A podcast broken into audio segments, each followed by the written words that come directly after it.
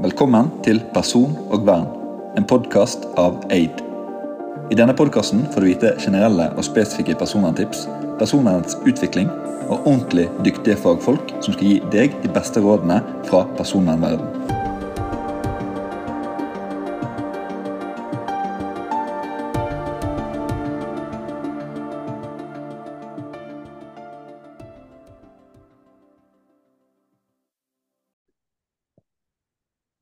Velkommen til en ny episode av eh, Person og vern. Vi er i slutten av eh, august, og i dag har vi med oss eh, Helene, som er da seniorrådgiver i Itera. Du er en master i medievitenskap. Og ja, vil bare si tusen takk for at du tok deg tiden til å komme her til oss. Ja, Det er så hyggelig, Daniel. Tusen takk for invitasjonen. Og jeg så en litt sånn kul ting på LinkedIn i går. Og det var det at uh, Itera går for uh, det sjette kvartalet på rad, hvis jeg husker riktig. Uh, der det er 20% i organisk vekst, stemmer det? Ja, det stemmer. Så jeg har litt kontekst til det. Det er jo fra børsrapporteringen vår. Så vi er jo et norsk IT-selskap med 30 års historie. Og har vært på børs i ganske mange av de årene. Og i går hadde vi kvartalsrapportering. Og min rolle i det er jo, du nevnte jeg rådgiver. Jeg er jo da kommunikasjonsrådgiver. Jobber også med børskommunikasjon. Så eh, hadde litt å gjøre med kvartalsrapporteringen vår i går, som, eh, hvor vi kunne presentere hyggelige tall.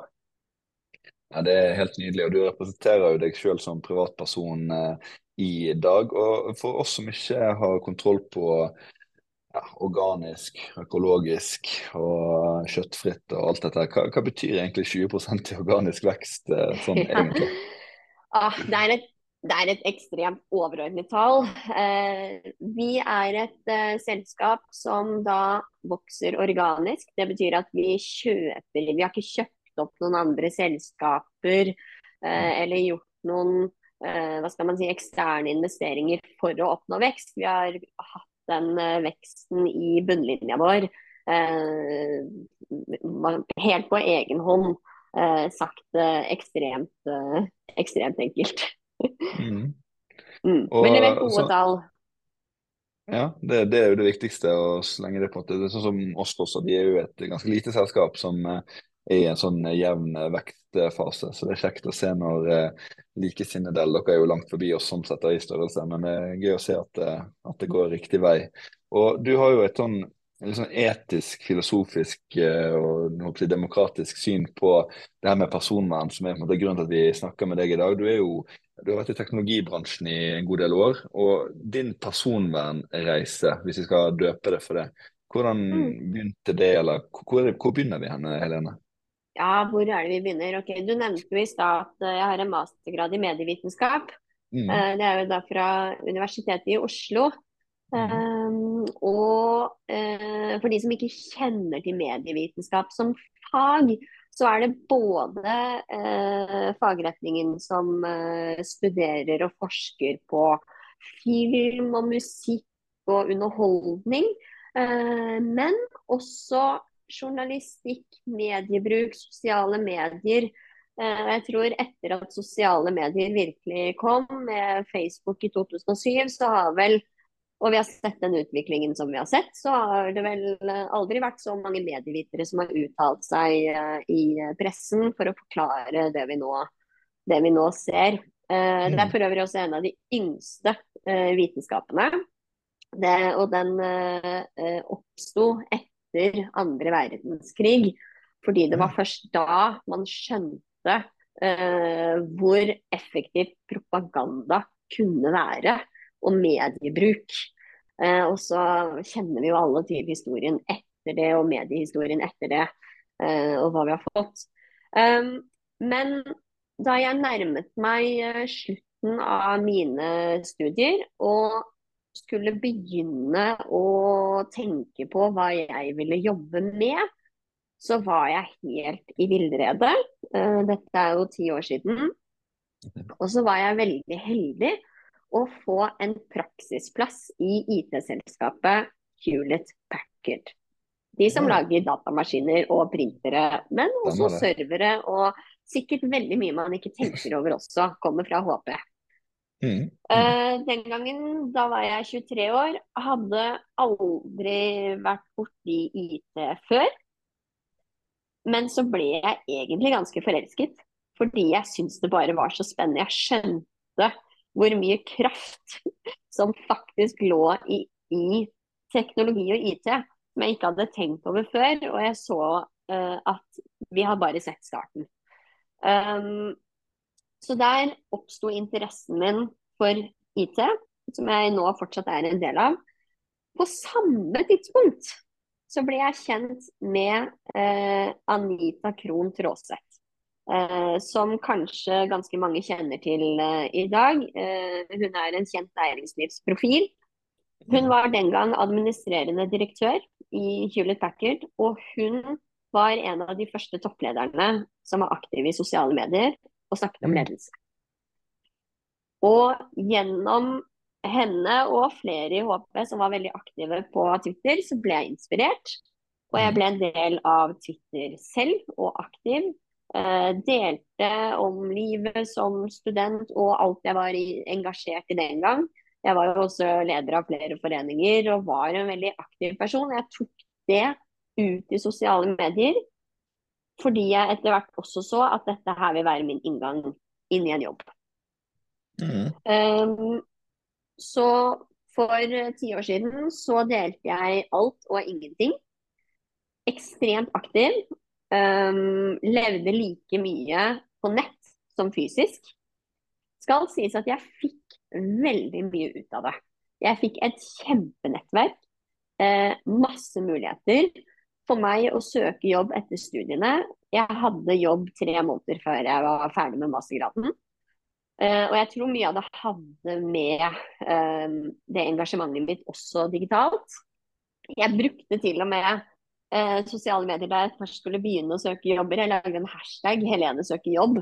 Skulle ha folk med meg på den reisen. Nå ble det en veldig kort prosess, da. Men det sier noe om hvem jeg var den gang. Um, hvis noen spurte meg om hva jeg syns om å dele så mye For jeg delte jo mer enn gjennomsnittet. Det tror jeg vi alle gjorde for ti år siden. Vi delte mm. mer for ti år siden enn vi gjør i dag. Vi har Eh, eller kanskje ikke, det kan vi jo komme tilbake til. Jeg tror ungdommer mm. deler veldig mye, men ikke så mye åpent. Mm. Eh, som man gjorde den gang. Man var ganske åpne. Eh, men jeg var enda mer enn gjennomsnittet den gang. Og hvis noen spurte meg om hva jeg syns om å være så synlig og, og dele så mye og åpne opp Og av og til kunne jeg få spørsmål om ja, hva tenker du om at det lagres om deg? Eh, eller hva tenker du om at uh, uh, vi plutselig har alt av informasjon om oss lagret et sted og tilgjengelig, og folk kan søke det opp? Da var mitt svar at det var jo bare den naturlige utviklingen. Teknologi går denne veien, vi må bare akseptere det. Og jeg sa jo klassikeren, jeg har jo ingenting å skjule. Mm, mm. Uh, så jeg var ekstremt teknologioptimist, delte alt. Uh, og forsvarte det. Um, fikk en del ut av det. Og med det utgangspunktet så gikk jeg inn i én jobb i teknologibransjen og videre inn i en annen. Um, før jeg noen år senere landet i Itera, som jeg fortsatt er i i dag. Nå jeg, har jeg snart vært her i syv år. Mm. Og her skjedde det faktisk noe. Fordi da jeg eh, som eh, 26-27-åring begynte i Terra og hadde delt alt på nett, så for første gang så kom jeg i møte med mennesker som er med å lage den teknologien vi bruker. Hva de kalles da? Er det teknologer? Utviklere.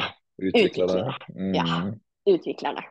Vi har mange utviklere i Itera. Og for de som ikke kjenner Itera, så kan jeg også bare si veldig kort, vi er et konsulenthus um, med uh, eksperter innenfor utvikling, design, brukeropplevelse, forretningsutvikling. Um, og alt er i sky, og det vi driver med digitalisering. Sagt mm. enkelt. Så jeg møtte utviklere for aller første gang i mitt liv. Jeg hadde jo vært en del av teknologi, men ikke på den måten. Uh, og uh, som jeg nevnte, jeg er kommunikasjonsrådgiver. Og min uh, rolle den gang var å lage innhold om hva vi driver med. uh, for å nå ut til nye kunder og nye potensielle ansatte. Uh, og det var jo å skrive artikler, det var å ta bilder, det var å lage video. Og selvsagt bruke sosiale medier som plattform. Og jeg kom jo inn og tenkte ja. Var, var, var blogg inn på den tiden, eller når du begynte? Ja, nesten mer. Nest, jeg vil nesten si mer enn en nå. Eh, nå skriver jo mange sånn fagartikler på LinkedIn og sånn.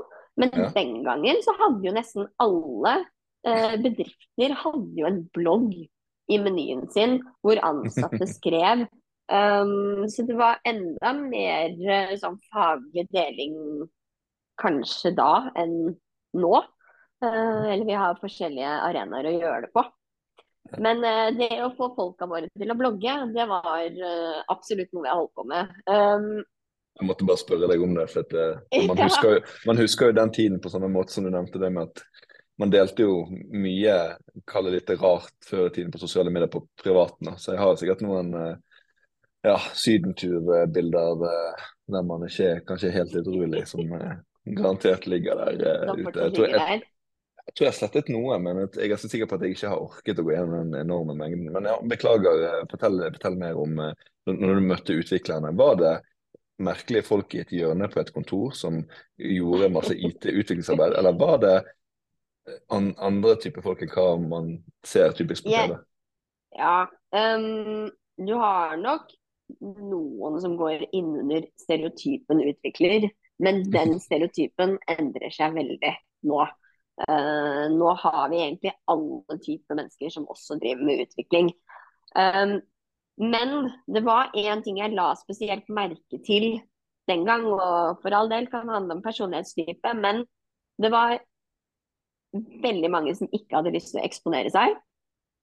Uh, og jeg opplevde det arbeidet med å få folk til å Å, du vil ikke være med på video, kan jeg ta bilde, kan jeg vise?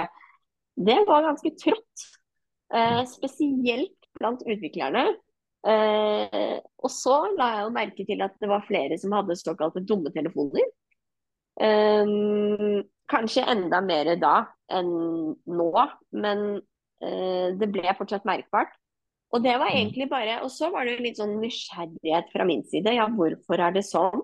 Ja, hvorfor? Ja. Uh, og, ja, nei, ikke sant. Og det var jo mm. fordi dette her var uh, uh, Noen av dem var svært opptatt av å ikke legge igjen for mye data. Mm. Og um, veldig bevisste.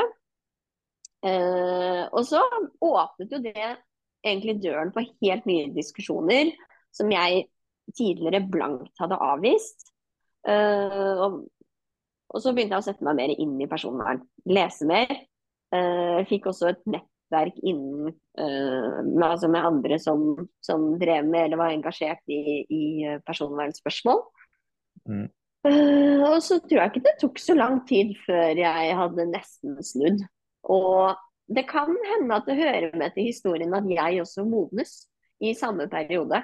Uh, for det er jo noe med det der i midten av 20-årene, frontalvappen og at jeg bare plutselig tenkte konsekvenser på en helt annen måte enn før. Um, men jeg liker å tro at uh, utviklerne våre hadde litt å gjøre med det. Uh, bare det å åpne opp øynene uh, for at dette landskapet er litt større og litt mer komplisert enn at det bare er å følge utviklingen. Og at innovasjon må jo bare skje. Um, så resultatet til slutt der var jo at jeg i løpet av um, to år hadde slettet omtrent alt. Slettet Snapchat, slettet Instagram. Ikke bare slettet bilder eh, og gått tilbake i historikken og funnet sykebilder, men slettet alt. Um, jeg måtte fortsatt ha Facebook uh, med tanke på jobb og tilganger bare for å administrere. Og i samme periode, og til dels fortsatt en dag i dag, så jobber jo jeg med plattformer jeg selv ikke vil være på. Mm. Um, og, um, og som et neste ledd etter å slette alt selv og ta noen svært bevisste valg på egen hånd, mm. Mm. Uh, så begynte jeg jo mer og mer å snakke høyt om dette.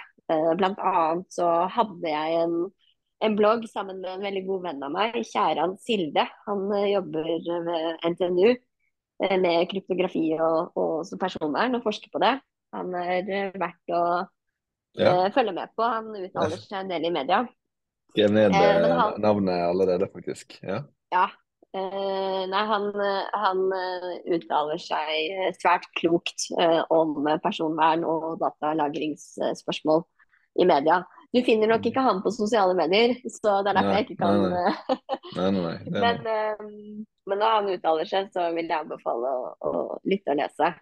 Men vi hadde jo en nett nettside hvor vi skrev om personvern, og uh, han gjerne den litt mer tekniske siden av det. Jeg mm. mer forbrukerperspektivet. Mm. Uh, ulempen at han og jeg starta en nettside, var jo at vi klarte jo ikke å distribuere den ut. Fordi at vi hadde jo ikke lyst til å være i noen sosiale medier og fortelle om den. Så det ble et litt sånn privatprosjekt, akkurat det der. Men uh, det var gøy. Jeg fikk skrevet en del og reflektert uh, omkring mens man skrev. Og har ja. uttalt meg en del i media selv også om, om ting som angår personvern og menneske i møte med teknologi. Så... Jeg, jeg tenkte på om, eh, om dere brukte noen tradisjonelle medier uh, istedenfor, på en måte. Om det var noe Nei, det var jo også et sideprosjekt ved siden av at vi begge hadde jobber, og jeg mm, har jo fått mm. to barn i den perioden nå, så mm, det, det, ble et litt sånn hobbyprosjekt. Men, um, men, vi får se, kanskje det tas opp igjen. Ja, og, altså, for jeg satt og tenkte på sånn her for, sånn som det er i dag, da, så er det mye sånn, fokus på, på meta, sånn, big tech, og så er det jo rettssaker som er nå på fredag. Eh, så det blir jo ikke Nei, i dag, eller i neste fredag. Jeg er litt usikker. Det er jo ja, flere husker, uh, også. Jeg, ja, jeg husker ikke, jeg, jeg prøver å følge med, men det er så, det er så mye av og til. Men eh, det var sånt jeg tenkte på mens du snakket. Sant? Er det bare ille det, det, liksom, det er sånn stort, uh, foggy spørsmål, og uh, ja. du var jo midt, inne i noe nå. Men sant? Er det bare ille, eller er det, mm. er det noe bra med dette? Jeg vet ikke. Sånn. Det, det, er jo ikke Jeg tror ikke vi har et klart svar på det, for å være helt ja. ærlig. Det er det som er både spennende og skremmende med tiden vi lever i. Fordi vi lever jo i et eksperiment som pågår her og nå. Og det skal jo sies da at uh, siden den gangen jeg sletta alt og var øh, øh, ganske på den hva skal man si, ekstreme siden hva gjelder å ta hensyn til mitt eget personvern. Mm. Så har jeg jo blitt litt mildere igjen. Uh, og beveger ja. meg Altså, jeg, jeg uh, Man skal aldri si aldri, men jeg tror aldri jeg kommer tilbake til der jeg var for ti år siden. Uh, med ja. den ekstreme delingen jeg gjorde da. Men jeg har landet på noe som enn så lenge funker for meg. Og det er at uh, jeg er veldig bevisst på at det er jeg som skal utnytte teknologien, og teknologien skal ikke utnytte meg. Sånn at det betyr at uh, jeg vil ikke være på et sosialt medium hvis jeg skal være der, og jeg er f.eks. på LinkedIn. Mm. LinkedIn lagrer masse, for mm. all del. Det er mm. Microsoft uh, opprinnelig, de er vel muligens skilt ut nå, men de lagrer masse. Og kan bruke mm. de dataene til veldig mye. Mye vi ikke vet om 5, 10, 20, 30 år. Mm. Men jeg velger å akseptere det. Fordi mm. det jeg som enkeltmenneske får igjen, er eh, akkurat sånn som jeg kan forsvare det nå, det gir meg mer enn jeg tror jeg uh, gir tilbake til dem, hvis det gir mm. mening. Skal også ja. si at jeg har betalt konto. Jeg har betalt LinkedIn-konto. Mm. Um, som jeg også er litt opptatt av. At vi skal mm. betale for de tjenestene som vi liker. Mm. Um, noen tjenester er jo da slik at de, de tar bedre vare på personvernet ditt, lagrer mindre data om deg fordi de ikke gir deg annonser eh, tilbake og den slags. Uh, LinkedIn tror jeg fortsatt lagrer ganske mye om meg, men Dog. Uh, jeg får i hvert fall ikke reklame. Um, så det å ha et bevisst forhold, det å mm. tørre å stille seg selv litt ubehagelige spørsmål er, er, mm. er, jeg avhengig av denne teknologien nå, eller dette sosiale mediet? Er jeg mm. avhengig? Gir jeg mer til dem enn det de gir meg tilbake? Mm. Jeg tror veldig mange går rundt og øh, ikke tenker over akkurat disse tingene. Men at man, man, bare ved å gjøre det og ta bevisste valg rundt hvordan bruker vi teknologien, og tørre å være ærlig med seg selv, så kommer det en liten, uh, et lite stykke på vei i å kanskje gi litt mindre persondata. Og, Men ja. ja. for jeg synes det er viktig det du sier der med at sant, eh, du, du nevner at du tror sant, at at eh, jeg kan få mer enn hva jeg kanskje gir. ikke sant? For Vi også har jo utviklere som jobber på den tekniske siden, og det gjør jo ikke jeg heller. Sånn. Altså Jeg er jo på, på, på din side, på utenriksministersiden. på en måte, altså Det, det innenrikse det er jo eh, utviklerne våre og backend. ikke sant? Eh, så alltid når man snakker om teknologi, så er det veldig fort at man snakker om systemer og datamaskiner og software. Men jeg pleier alltid å si at det handler om mennesker og psykologi. For at uh, Hvis man ikke har troen, så kan man få en nedkjølingseffekt. ikke sant? Og Da blir jo sånn at vi har ikke tillit til noen ting lenger. og så, Nå, nå, nå merker jeg at jeg kommer inn i sånn katastrofetanke her, men, men, det er ikke det som er meningen. Men det er sånn viktig det du sier, det med at vi, vi, må på en måte ha noe å tro på også. For jeg vet ikke om du har sett eh, det er liksom irriterende for lytteren at jeg nevner samme eksempel om og om igjen. Men den der eh, Dodge Telekom-reklamen om kunstig intelligens. Det er det med hun eh, Ella som blir eh, Hun er vel kanskje en ung jente, 13 år eller yngre. Og så med kunstig intelligens så gjør de henne eldre. Og så ser foreldrene dette på en kinosal, og de ser at hun både blir naken og at det er mange sånne stygge meldinger og forfalskning av stemmen hennes. ikke sant? Så der har man på en måte en veldig sånn sant? Det her, det her kan jo gå skikkelig, skikkelig ille. sant? Men hvis alle går rundt og tenker at det vil skje absolutt med meg uansett hva jeg gjør, så blir jo det òg veldig dystert. da. Så da, så da, har man, så da har jeg litt tilbake igjen. Det at, det, at, man tror at ja, men vet du hva, jeg, jeg, sletter dette fordi jeg tror at det ikke er bra for meg. Jeg har stilt de kritiske, kall det to eller tre eller fire eller fem spørsmål til meg sjøl funnet ut at dette her, her gir jeg for mye kontra hva jeg eh, får tilbake igjen. Og, og, de får veldig mye av meg, og jeg får litt eksponering, men det, ikke, det, det gir ikke liksom det totale veksten. Jeg blir ikke kunnskapsrik eller eh, mer lykkelig av dette, da, på en måte. Og det å evne, det å, evne å gjøre det, det er jo høy grad av psykologisk modenhet. Det å tørre å gå i de ubehagelige spørsmålene. Så jeg måtte bare skyte det inn. Så, ja. ja det, Kjempe Ja, men ja, jeg er helt med på det. Og um, jeg tror vi Ja, kanskje krever det noe av oss, men jeg tror vi alle alle kan, kan gjøre den refleksjonen. Alle kan ta de bevisste valgene. Uh, det jeg er nesten mest opptatt av å, å messe nå om dagen, er egentlig bare husk å gjøre det. Uh, for noen år tilbake, da vi holdt på med den nettsiden Kjæran og jeg, da var jeg nesten litt sånn belærende sånn skjerp deg, pekefingerretorikk. Nå er jeg litt jeg er blitt mildere, fordi jeg, for det første så tror jeg ikke det funket. En ting var at jeg satt og skrev ting som ingen leser, men jeg prata veldig mye om dette temaet òg. Og jeg merker, jeg merker, at jeg ofte møtte en vegg av folk ble sånn åh, personvern skal snakke om det, er så kjedelig. Men hvis jeg bare mm. spør sånn, du føler du at du bruker litt mye tid på mobiler? Da vil de fleste si ja, det føler jeg. Og hvis jeg da sier bare tenk på hva du får ut av det, og hva du gir, og så ser du om det regnestykket er verdt det. Eh, og hvis du klarer å korrigere etter det, så er jo det kjempefint. Men jeg, jeg, er, måte, jeg er helt sluttet å si at man bør eller ikke bør, eller må eller ikke må. Um, litt igjen tilbake til det med psykologi da, og hvordan vi funker. og det er jo Eh, disse tjenestene er også lagd for at de skal være ekstremt avhengighetsdannende. Så jeg har så medfølelse med alle som bruker for mye tid og legger igjen for mye data. Jeg veit hvor sinnssykt vanskelig det er å slutte med det.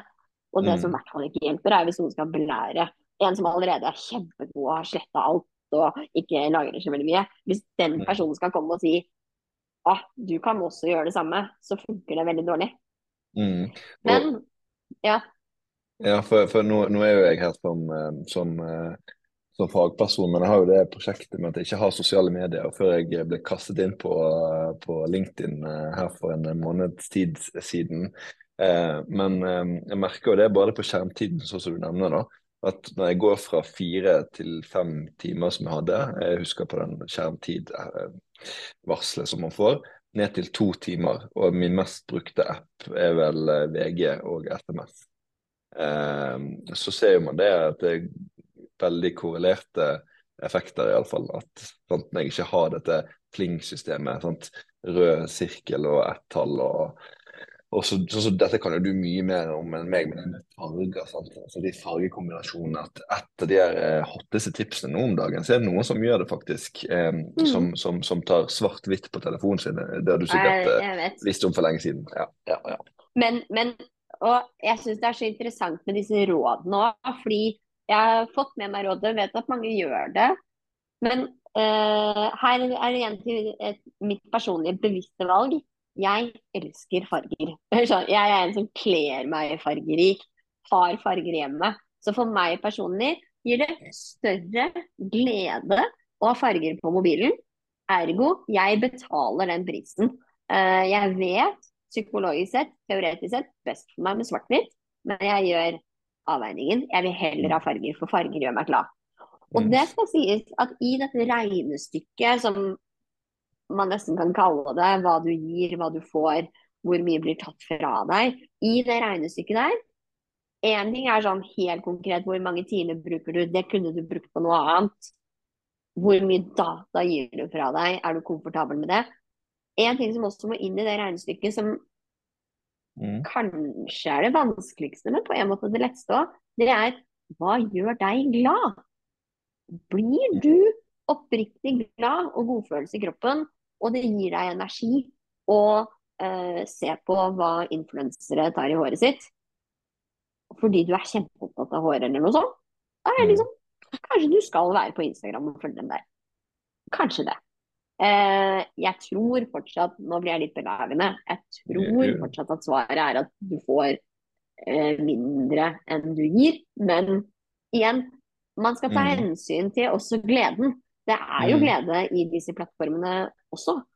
Mm. Og eh, jeg er inne i en liten sånn eksperimenteringsfase nå med Snapchat. Jeg har ikke hatt Snapchat siden jeg slettet det den gangen for seks år siden. Ja, Men så har jeg eh, nærmeste familie, nærmeste venner, som jeg ikke rekker å se i en travel hverdag. Så tok jeg avveiningen før sommeren jeg visste at alle disse er på Snapchat, og de sender meg ikke SMS-er med bilder.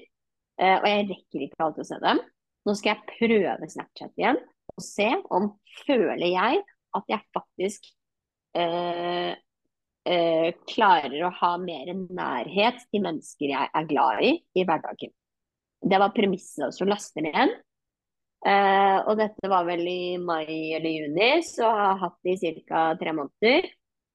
Uh, konklusjonen så langt er at jeg tror jeg kommer til å slette det. Mm. Fordi uh, folk la jo ikke ut og sendte så veldig mye allikevel, som jeg mm. trodde folk holdt på med. Kanskje er mm. det de som er uh, i midten av tenåringene som er mest aktive, ikke, ikke mine folk. Um, så de var ikke så aktive, så jeg får ikke så mye bilder. Og jeg ender jo opp med å ikke sende så mye bilder heller. Fordi livet skjer, og uh, hverdag. Mm. Og så skal det sies at jeg har jo to små barn, og de skal ikke uh, eksponeres i sosiale medier. Én ting er offentlig, men jeg vil jo ikke ha masse bilder av dem i Snapchat sin hva skal man si, på baksiden database. Fordi de mm. har jo tilgang til langt flere bilder enn det du faktisk sender. Mm. Så øh, Og jeg er jo mye med barna mine, hvis ikke jeg skal dele bilder av dem uansett. Så, så da faller jo vitsen litt bort. Men det verste av alt, og her er det eh, gøy hvis noen hører på dette og kjenner seg igjen, men det er jo en helt, en grusom plattform hva gjelder å se innhold du ikke er interessert i. For de tilbyr jo da eh, i en sånn utforsk-søyle eh, mm.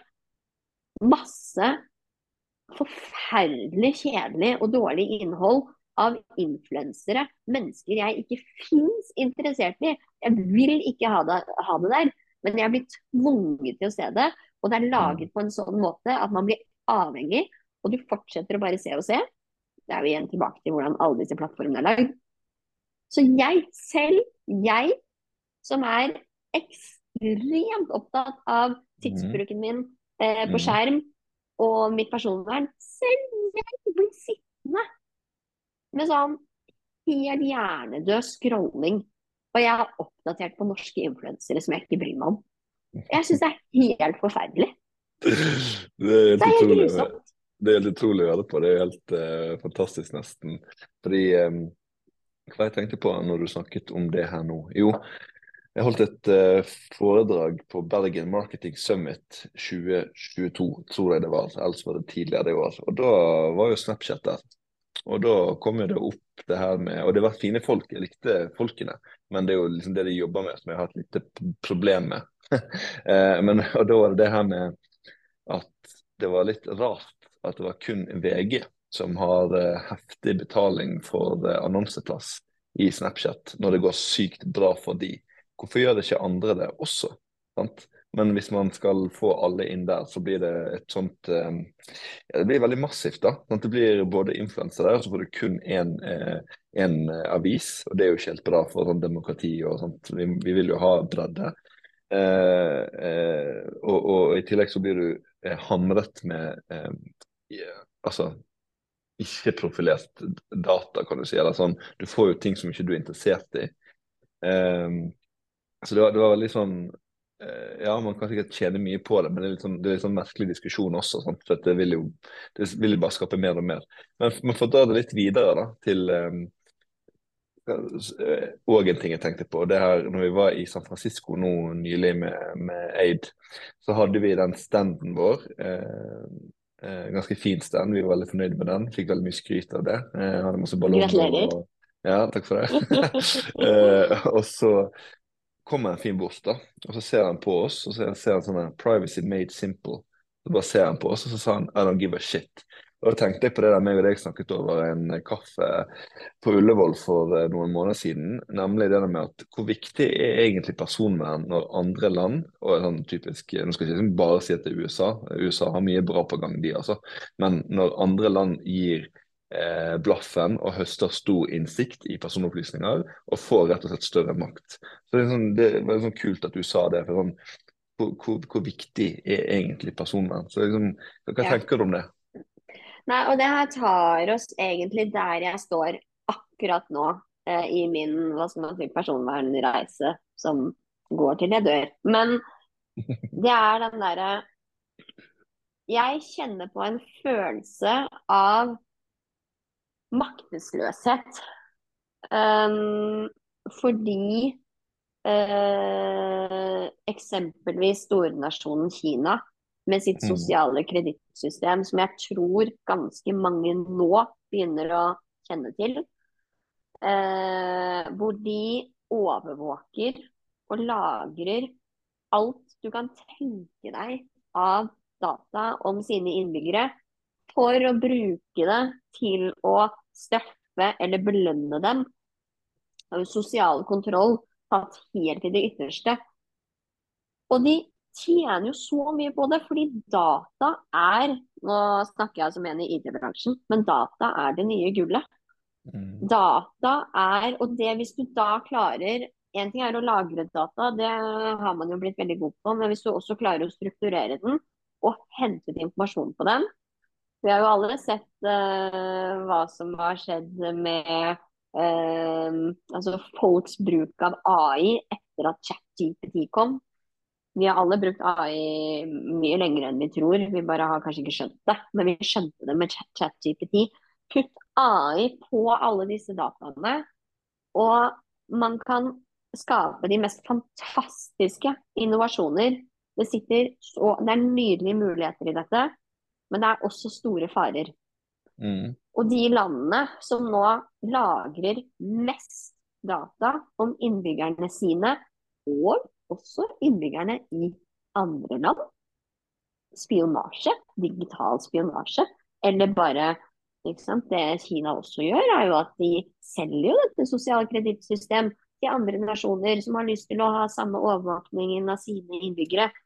Og da får Kina helt spinnville mengder med data om alt og alle som de kan bruke eh, til å få ikke bare digitale forsprang lenger, men dette her vil jo også gå inn i forsvar, eh, inn i geopolitiske områder. Um, og i hele det der, hvis man løfter blikket og bare ser alt så overordnet som mulig, det er da jeg blir sånn åh, Ja, er det vi skal Vil jeg heller hva vil jeg da? Vil jeg at landet jeg er en del av, selv om jeg personlig er den største forkjemper av personvern, retten til å være seg selv, retten til demokrati, det å være med å bestemme sammen, retten til å ikke dele. Selv jeg eh, mister jo nesten litt troa på det, hvis jeg vet at om 100 år har vi tapt. Mm. Og, og akkurat det du Akkurat det du sier ja. der, nevnte jo en, eh, en uh, ganske sånn fremtredende foredragsholder, keynote speaker nede i San Francisco. Han nevnte det med at um, kunstig intelligens kommer til å miste veldig mange arbeidsplasser, uh, men det kommer til å bli et effektivt uh, kall det økosystem blant oss. Uh, og så var det en påstand der, og det, den tror jeg er litt sånn, litt sånn søk, men likevel ikke så langt ifra sannheten. At eh, andre land kommer nok til å innføre et sosialt kredittsystem etter hvert, de også. Eh, også den tredje tingen at vi vet ikke hvor stort kunstig intelligens blir, sånn som du nevner. Det er jo når kunstig intelligens blir tilgjengelig sånn synlig for oss gjennom ChatGPT at vi først forsto det litt mer. At den kan sammenligne med en tsunami. Vi vet ikke hvor stor bølgen er og vet ikke hvor hardt den vil treffe. Mm. Så, mm. Ja, og den, den, tsunamien her, den ruller fortsatt. Vi har fortsatt ikke sett det. Mm. Uh, og det her er jo litt det er, det, er så, det er, så, fantastisk spennende å jobbe med IT. Å jobbe med på den sida som er med å utvikle IT. Og, og i, Iteria Teria så er jo dette her også uh, spørsmål og diskusjoner som tas. Um, nå er vi nok allikevel et lite stykke unna akkurat på vår side å være med å utvikle det som endrer hele, hele samfunnet. Sant? Det er jo øh, holdt på å små løsninger, ikke bare det. Men, men, men allikevel, det er, det er, jo Man har et ansvar da, på den siden som utvikler teknologi. Og ja, her kunne vi snakket i tre nye timer. Uh, men uh, men det ansvaret, det er ikke helt tydelig nå hvem som skal mm. ta det. Det er bra med sånn som EU og den type reguleringer som de gjør og tar, for de er såpass store at de er med å påvirke da eksempelvis USA til å, mm, mm. til å øh, øh, ja, øh, gjøre reguleringer, de også. Men ja, igjen tilbake til hvilken nytte har det egentlig. egentlig. Når, man, eh, når, man, har andre aktører som eh, banker på døra og ikke bryr seg om menneskeverdet på samme måte. Som, ja. Eller ser på det på en helt annen måte enn det vi gjør her i Vesten. Ja, for de vil, vil jo tjene penger uansett hva vi står og skriker og brenner fakler om. Og ja. nå, nå, har vi, vi, brukt litt tid, da, så jeg vet ikke om du, om du rekker det. Men eh, har du noen innsikt eller meninger om det her med barn og, og personopplysninger? Altså, hva, er det noe du brenner inne for der? For vi har jo snakket, ja. måte, vi, vi, har snakket litt voksent nå, sant, syns jeg. Sant? Vi, har jo, sånn, vi har nevnt liksom, ja, grønne flagg, det syns jeg var litt viktig å få frem. Sant? For det er viktig, det òg. Eh, ikke bare svartmale hele livet her. Og så eh, har vi òg gått innom de røde flaggene og eh, halvveis predikert fremtiden. Så jeg tenkte sånn, hva med disse små, små ja. søte troll, trollene som løper rundt omkring? da? Hva er deres rolle i dette? her? Ja. Nei, jeg, jeg, nevnte jo her at jeg har eh, to små barn under fem. Uh, så jeg, uh, og det, det, gjør nok også at man tenker ekstra mye på fremtiden. fordi det er ikke min fremtid jeg egentlig bryr meg om, det er deres. Uh, og jeg syns jo det er skummelt å se hvordan vi eksperimenterer på mennesker, og hvordan spesielt barn, tror jeg, blir nå potensielt ganske skadelidende. Et sånn et veldig enkelt uh, eksempel og som, som, er tydelig for alle, og det er en stor debatt i samfunnet, det er jo dette med skjermbruk. Hvor mye tid er et barn på skjerm, og hvor lett er det å, å ta fram iPaden og, og, telefonen. Nå skal jeg være hun litt kvalme mammaen som, uh, som sier at uh, mine barn får ikke lov å være på iPad og telefonen min. Jeg veit hvor vanskelig det er å holde det, det litt strenge skillet der. Men hvis man aldri innfører det, så er det litt lettere. Så bare hvis noen lytter der og venter barn eller skal ha barn i framtiden, husk Helene sa hvis du bare aldri innfører det, så er det lettere å, å holde dem unna. Skal jeg bare også disclaimer barna mine ser på barne-TV. Men vi, vi, er veldig tydelige på at de får se på TV-en. De får mm. ikke mobilen, og de får uh, Altså, iPad har vi ikke. Mm. Og det, det som jeg her har jeg ingen svar eller fasit. Her er det lite forskning. Men jeg har en teori, og det er at vi snakker mye om klasse, klasseskille. Og økte klasseskiller, økonomiske klasseskiller. Mm. Jeg tror også vi, vi kommer til å få intellektuelle klasseskiller. Jeg tror ja. er, Og det her er kanskje en brannfakkel, og folk får bli Men det, jeg, jeg tror Jeg kan ikke skjønne annet enn at hvis et barn har vokst opp med å hver gang det blir lei seg, hver gang det ikke får det de vil ha av mat, eller det må vente i bilen, eller sant, hver gang det barnet får noen følelser som er litt kjipe for mamma og pappa å ta hensyn til Hvis mm. man får en Vær så god, her har du skjermen. Så lærer du for det første ikke å håndtere dine egne følelser. Eh, og hvis du kjeder deg, vær så god, her er skjerm, da lærer du ikke fokus. Og fokus er jo altså, en knapp ressurs allerede i dag for oss voksne som ikke vokste opp med skjerm engang. Vi mm. sliter med å holde fokus. Hvordan skal du gå med mennesker som aldri har lært å ha mhm. fokus? Fordi du har ikke fokus når du ser på Paw Patrol. Da er det, det er, det er input på speed inn i den lille barnehjernen. Så um, jeg, jeg, kan ikke skjønne annet enn at hvis et barn har vokst opp med her er tegnesaker uh, Nei, jeg vet ikke hva du skal gjøre, men, men må, det må du finne ut av selv. Jeg kan ikke Eller uh, Nei, nå må du bare vente litt til det er middag før vi skrur mm. på noe. Mm. Jeg, kan, jeg kan ikke skjønne annet enn at det er verdifull læring som former oss som mennesker, og som gir oss en helt annen evne til fokus og konsentrasjon når vi er voksne, eller ikke voksne engang, bare når vi begynner på skolen. Mm. Og det å få det eh, Tenk hvis seksåringen som begynner på skolen, har lært seg å sitte ved en pult og gjøre noe med hendene. Da, da tenker jeg også at da får du et forsprang. Så får du det forspranget, så får du forspranget inn i ungdomsskolen hvis du klarer å ta det med deg videre. Og så står du der en dag og er ferdig utdanna og skal jobbe. Så har du kanskje en helt annen evne til å bruke hjernen din enn Nå er jeg Jeg trekker det veldig ut og tenker kanskje litt i absolutter her, men uh, ja. Jeg um, er spent på å se uh, bare de, altså, de de begynner allerede å få dem inn i, inn i arbeidslivet, eh, de som eh, mm, mm, bare har mm. levd på skjerm. Og ja. det blir bare mer og flere og flere av dem. Og jeg er spent på å se 10-20 år fram i tid. Jeg tror vi har noen generasjoner som har levd et eksperiment. Og vi har ikke tatt godt nok vare på dem. Nei. Og, og her, her, altså nå er det deg vi skal, skal trekke frem. Jeg bare blir så sykt gira. da, for at Når du snakker om her, så får jeg eh, litt sånn kast i hodet mitt og paralleller til mye. Det aller første er jo det her, Nå har jo ikke jeg eh, barn, så da er det liksom alltid vanskelig å uttale seg, syns jeg. Men det er jo det her med som jeg leste på, på ja, både i førstegangstjenesten og på befalsskolen. Det her med å stille krav er også en form for omsorg. Sant? Eh, så det, sånn, det, var det jeg tenkte på når du sa det, at det å stille krav. Eh, mange tenker på at det er sånn streng greie.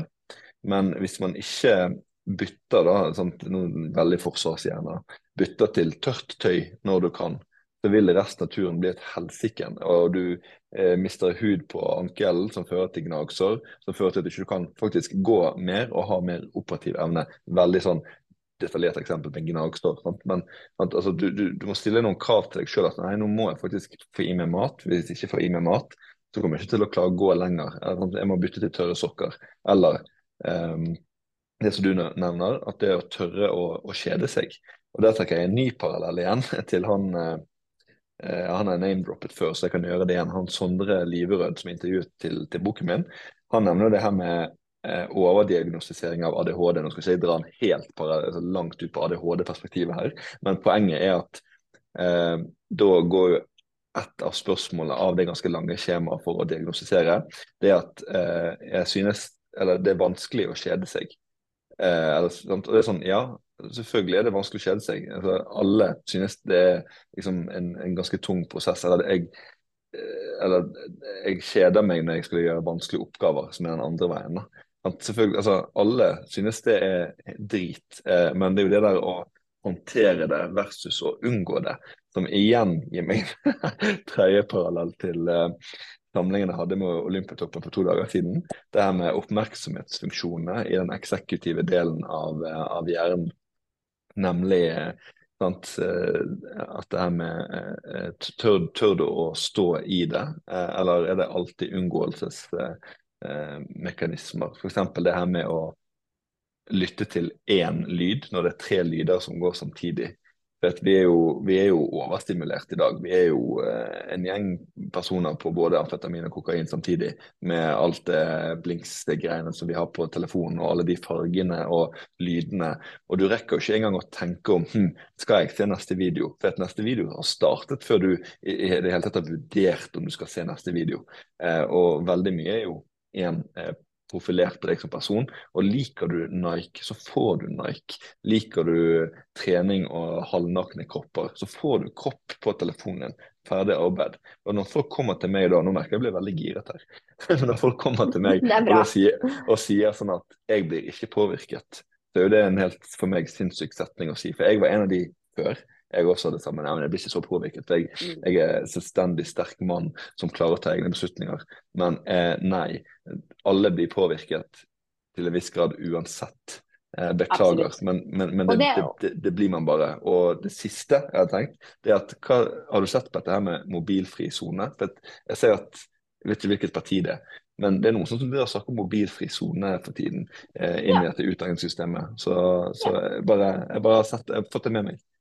Jeg eh, eh, selv som en del av teknologibransjen, og jeg tror vi har vel alle hørt om eh, disse eh, teknologigründerne i Silicon Valley som sender barna sine på eh, i hermetegn dumme skoler, altså skoler uten teknologi, og at barna deres får ikke lov å bruke teknologi. Um, jeg, jeg, er jo kjempeforkjemper for at skolen skal ha, ha mindre Eh, eller om så be, altså bruke teknologien bedre. Eh, jeg husker jeg leste her en kronikk skrevet av en trebarnspappa som nå hadde hatt da, tre barn gjennom norsk skole hvor iPaden har vært veldig sentral.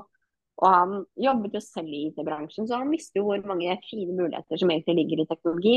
Så han kritiserte jo da eksempelvis når han ser at barna deres tar Måten de brukte iPaden på, var å ta et bilde av eh, siden i boka de skulle lese, for å lese dem på iPaden.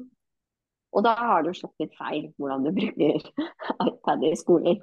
Um, så jeg er veldig tilhenger både av mobilfrie soner og la hjernen få puste, og at ikke det skal inn i absolutt alt. Og skal det inn, så er det mange langt bedre måter å bruke det på enn jeg tror vi ser i dag.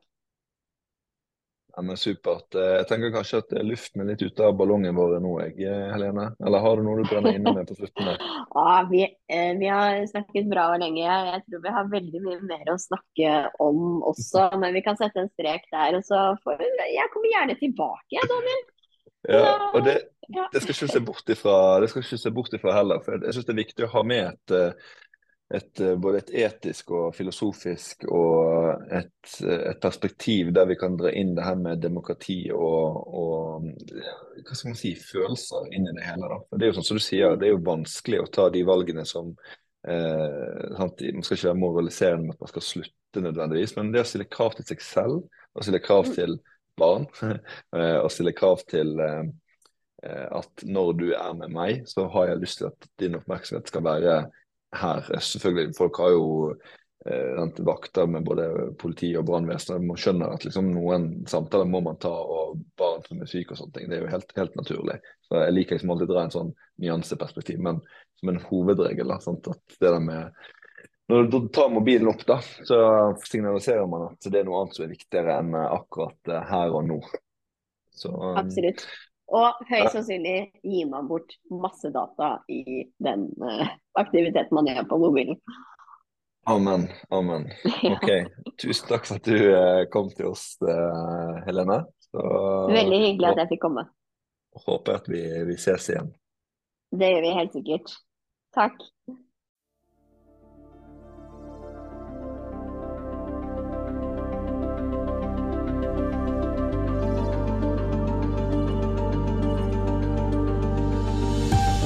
Du har nettopp lyttet til Person og vern, en podkast av Aid. Har du innspill, ris, ros eller vet om noen som burde gjeste vår podkast? Send en e-post til hello, alfakrøll.